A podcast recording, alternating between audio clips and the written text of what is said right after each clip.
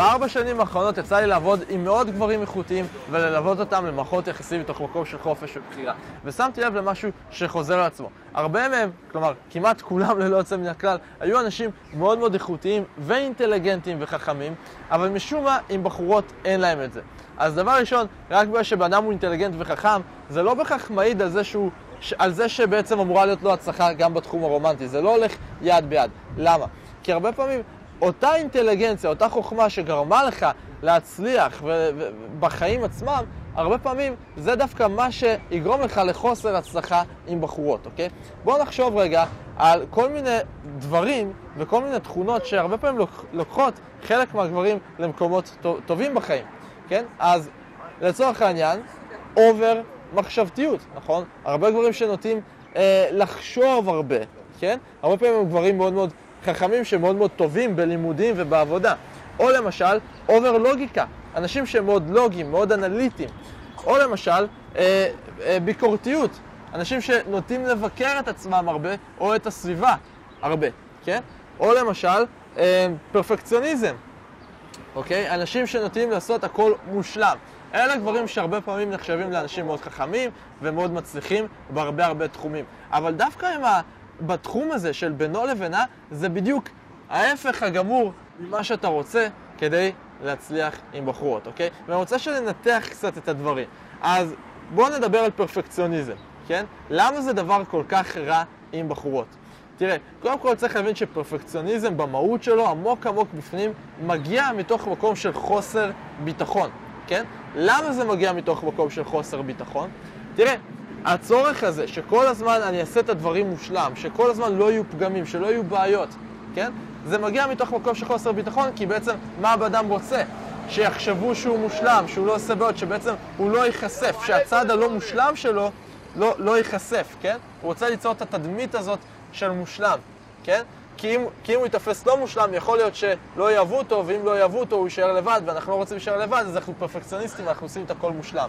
אבל פרפקציוניזם בא לידי ביטוי בעוד צורה. תראה, אחד הדברים הכי גרועים שאתה יכול לעשות עם בחורה זה להיות פרפקציוניסט איתה. גם בתקשורת איתה, אבל תחשוב על גבר שמנסה להיות פרפקציוניסט לצורך העניין במיטה, אוקיי? עם בחורה. זה בדיוק ההפך ממה שהיא רוצה.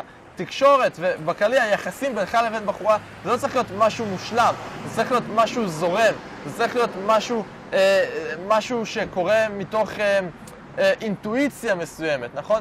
סתם אני רוצה לתת לך דוגמה, אה, אם נדבר רגע על מוזיקה, כן? ניקח רגע מוזיקה בתור דוגמה.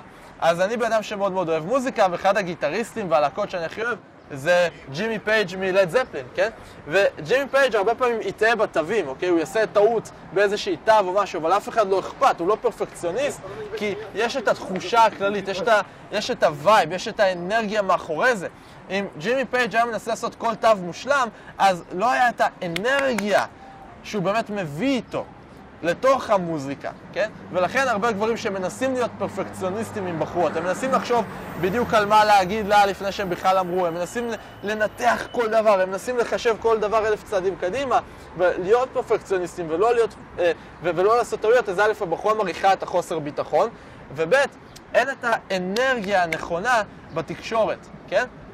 וזה בא לידי ביטוי, בין אם זה בתקשורת, כן? אבל בין אם זה גם בשלב יותר מאוחר ביחסים שלכם. תחשוב על עצמך, היית רוצה להיות עכשיו חבר של מישהו שהוא כל הזמן מנסה להיות פרפקציוניסט איתך? לא, אתה רוצה שהוא פשוט יהיה מישהו שלא יהיה אכפת לו, אוקיי? אז פרפקציוניזם אולי טוב בהרבה תחומים בחיים, אבל לא טוב עם בחורות. בואו נדבר על לוגיקה. הרבה מהלקוחות שלי, מאותם בחורים איכותיים, חכמים ואינטליגנטים, הם לוגיים ואנליטיים.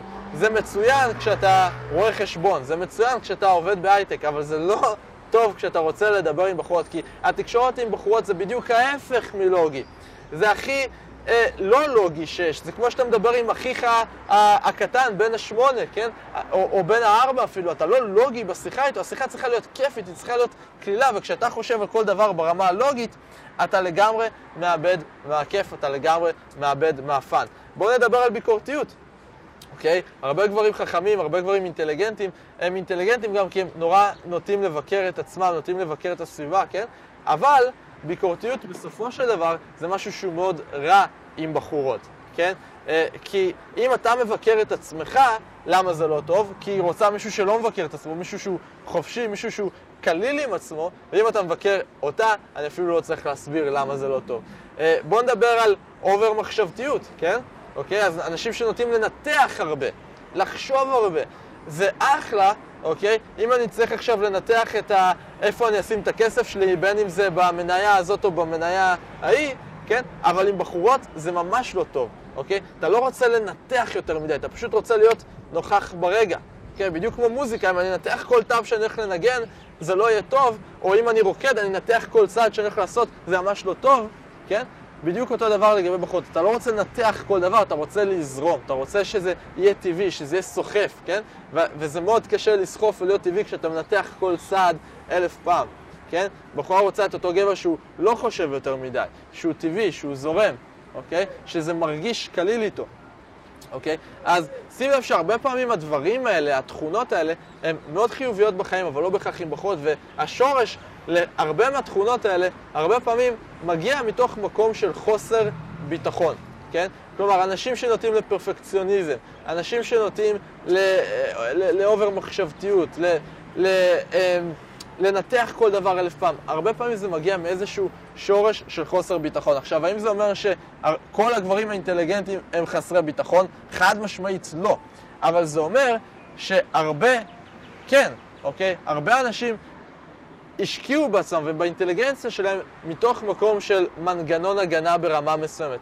אוקיי? כי הם הבינו שאם אני אהיה אינטליגנט, אם אני אהיה חכם, אם אני אצליח בחיים, אוקיי? אז סביר להניח שיאהבו אותי, אה, וזה איזשהו משהו שגדלנו אליו כילדים באופן לא מודע, ששימש אותנו טוב בחיים, אבל עם בחורות הוא קצת פחות משמש אותנו.